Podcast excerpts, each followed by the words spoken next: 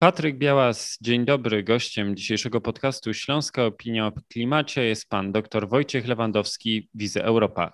Dzień, dzień dobry. dobry. Przed kilkoma dniami uruchomiliście, czy wypuściliście raport, który nazywa się Zielone Koło Ratunkowe Dostęp do czystej energii warunkiem konkurencyjności polskiego przemysłu. Jest to drugi raport z serii wspólnych publikacji Fundacji Resource Poland Hub i think tanku Wize Europa. Jak waszym zdaniem, albo co stanowi waszym zdaniem źródło konkurencyjności polskiego przemysłu? Dzień dobry raz jeszcze. E, dziękuję za e, spotkanie i e, za pytanie. Faktycznie tutaj skupiliśmy się na polskim przemyśle, bo dostrzegliśmy zasadniczą zmianę sytuacji, w której on dzisiaj funkcjonuje.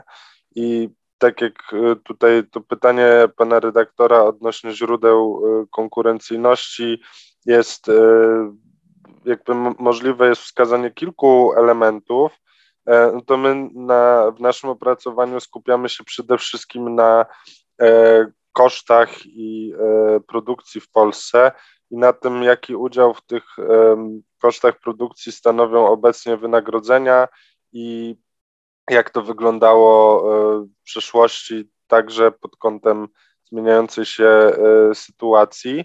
E, no i porównaliśmy ten udział wynagrodzeń z udziałem kosztów energii i, i tego, jak zmiana obecnej sytuacji na rynkach energii będzie przekładała się także na zmianę w strukturze wydatków i, i tego, w jaki sposób jakby ta pozycja polskich producentów może ulec wzmocnieniu lub osłabieniu.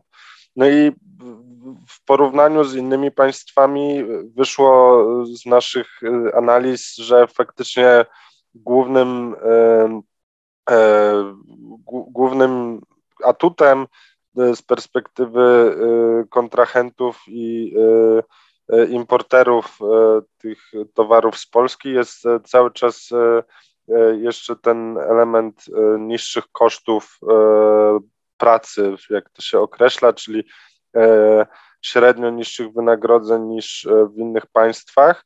Natomiast ta sytuacja się zmienia i, i widzimy, że jakby te płace w Polsce stopniowo, chociaż nie tak szybko, jak pewnie byśmy chcieli, ale stopniowo zbliżają się do E, średniej unijnej i, i tutaj e, jakby ten potencjał e, pomału zaczyna się wyczerpywać i, i, i zadaliśmy sobie trochę takie pytanie, co dalej. No i te koszty energii pojawiły się nieprzypadkowo, dlatego że w naszym odczuciu to stanow będzie stanowiło duży czynnik różnicujący E, pozycje różnych firm, to czy będą miały dostęp do czystej i taniej zielonej energii, czy będą cały czas polegały na coraz droższych e, technologiach e, związanych z wykorzystywaniem paliw kopalnych. I no, tutaj w naszym opracowaniu wskazaliśmy na to, że pomimo, że ta sytuacja historycznie nie była zła, i, i, i ta energia, z której korzystali polscy producenci, e, była, no, można powiedzieć, tańsza niż średnio w innych państwach albo na bardzo zbliżonym poziomie, no to w obecnej sytuacji to najprawdopodobniej ulegnie bardzo dużym zmianom. Ja teraz chciałem też zapytać o to, bo sytuacja na rynku diametralnie zmienia się i widzimy o tym, że różne wyzwania o charakterze ogólnoświatowym, ogólnoeuropejskim stoją przed e, przemysłem, w tym również przed przemysłem w Polsce. W związku z tym mam pytanie, jakie czynniki czy jakie wyzwania mogą mieć istotny wpływ na zmianę tego status quo, w którym obecnie funkcjonujemy?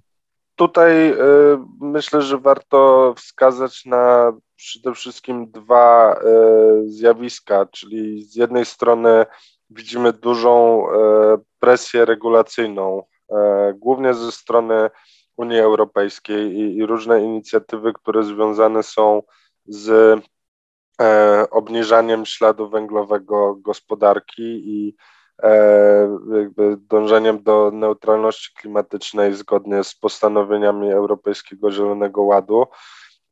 I, i ten dostosowania narzędzi polityk publicznych są e, jakby jednokierunkowe, tak? Widzimy, że to polega przede wszystkim na e, zacieśnianiu e, warunków, w których dotychczas funkcjonowali producenci, zwiększania opłat za wykorzystywanie paliw kopalnych i emisję dwutlenku węgla.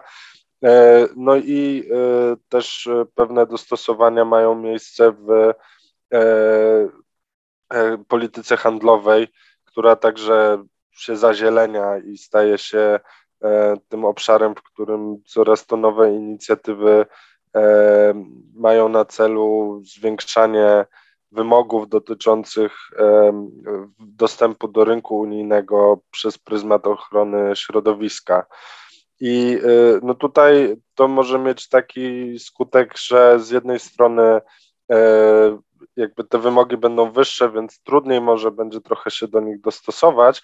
Natomiast jeżeli już to się uda i, i te dostosowanie będzie pomyślne, no to ta sytuacja w kontekście konkurencji globalnej i, i e, z producentami spoza Unii e, powinna być lepsza. I, i, i tutaj widzimy, że e, ta transformacja e, będzie e, no właśnie dążyła do, do wyrównania tych y, y, warunków konkurencyjności z jednej strony, a, a z drugiej strony no, widzimy, że y, pewnym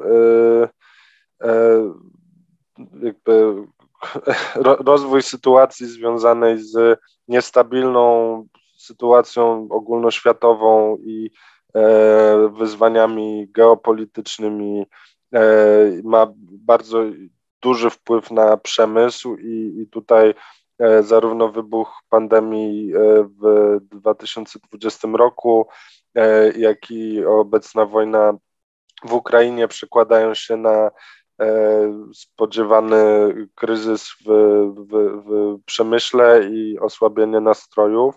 Natomiast no, widzimy, że sposobem wyjścia z tej sytuacji jest właśnie uniezależnienie się trochę od e, wahań cen e, surowców i, i tego, w jaki sposób jakby wzrost cen energii związany jest z, surowcami kopalnymi i to, co proponujemy w naszym raporcie, czyli przejście na zieloną energię i podjęcie wysiłku dekarbonizacyjnego. Właśnie chciałem o to teraz zapytać. Uprzedził Pan moje pytanie. Dlaczego uważacie, że dostęp do czystej i taniej energii ma bardzo istotny już teraz, a w przyszłości również będzie miał istotny wpływ na konkurencyjność polskiego przemysłu? Mm, tutaj y, to jest przede wszystkim podyktowane obserwacją, że y, te technologie, które wykorzystywane są do produkcji energii e, z odnawialnych źródeł e, i są po pierwsze tańsze. E, obecnie to już jest jakby efekt zarówno większej dojrzałości rynkowej i dostępności różnych technologii, jak i tego, że ceny surowców właśnie bardzo drastycznie rosną i E, sprawiają, że e, po prostu ta produkcja staje się mniej opłacalna, więc e, te bodźce są coraz częściej rynkowe i, i, i mają taki charakter, no, można powiedzieć, oszczędności, tak, korzystnych z punktu widzenia bilansu finansowego spółki, czy też jakby dostępnych środków na inwestycje.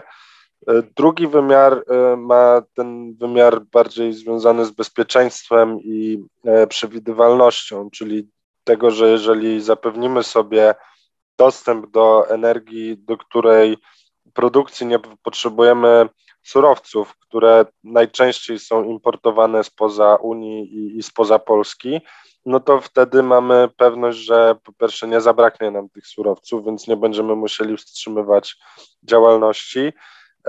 No a po drugie, że y, te, stopniowo też w związku właśnie z tymi kwestiami regulacyjnymi te rozwiązania będą promowane i coraz bardziej jakby będą miały pierwszeństwo przed dotychczasowymi technologiami, więc no też łatwiej będzie chociażby o znalezienie specjalistów w tych dziedzinach i, i myślę, że tu jakby na to nakłada się też ten element oczywiście obecnego konfliktu i, i, tego, w jaki sposób no, wiele firm deklaruje gotowość do, czy już jakby wdrożyło działania mające na celu rozwiązanie kontaktów biznesowych z Rosją, no to przejście na czystą energię jest jeszcze kolejnym działaniem, które w tym duchu można podjąć.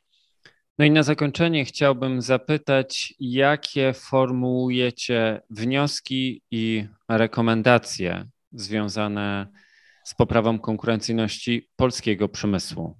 Tutaj w związku z tym, że e, nasze opracowanie dotyczy przede wszystkim e, właśnie kosztów energii i zwiększenia dostępności e, czystej energii, to też te rekomendacje dotyczą działań zarówno na szczeblu krajowym, tak jak no, poruszane w wielu różnych sytuacjach odblokowanie rynku energii wiatrowej na lądzie, zniesienie zasady 10H, E, ale też e, rozwój energii, e, społeczności energetycznych, które umożliwiają zwiększenie udziału OZE w, w miksie energetycznym.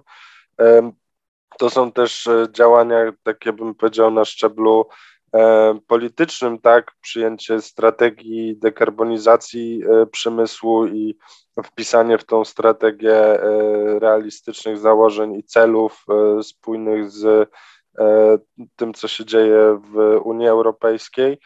E, no i e, tutaj myślę, że istotną wartością naszego opracowania jest też wskazanie takiego praktycznego wymiaru tej możliwych działań do podjęcia i skupienie się na już dostępnych rynkowych rozwiązaniach, którymi są kontrakty używa się najczęściej skrótu e, z angielskiego CPPA, czyli Corporate e, Power Purchase Agreement, w ramach których odbiorca energii może e, zakontraktować dostawy energii produkowanej z odnawialnych źródeł energii bezpośrednio u dostawcy. No i tutaj widzimy, że ten zainteresowanie tą formą rozwiązania stopniowo, czy nawet bardzo dynamicznie wzrasta, więc y, po to, żeby ten rynek dalej mógł się rozwijać, kluczowe jest y, e, to, o czym mówiłem na początku, czyli e, odblokowanie, liberalizowanie rynku po to, żeby też zwiększyć dostępność czystej energii, którą następnie można kontraktować. Bardzo dziękuję za tę dzisiejszą rozmowę. Przypomnę, że Rozmawialiśmy o opracowaniu Zielone Koło Ratunkowe Dostęp do czystej energii warunkiem konkurencyjności polskiego przemysłu, a gościem dzisiejszego podcastu był pan dr Wojciech Lewandowski, Wize Europa. Dziękuję bardzo. Dziękuję.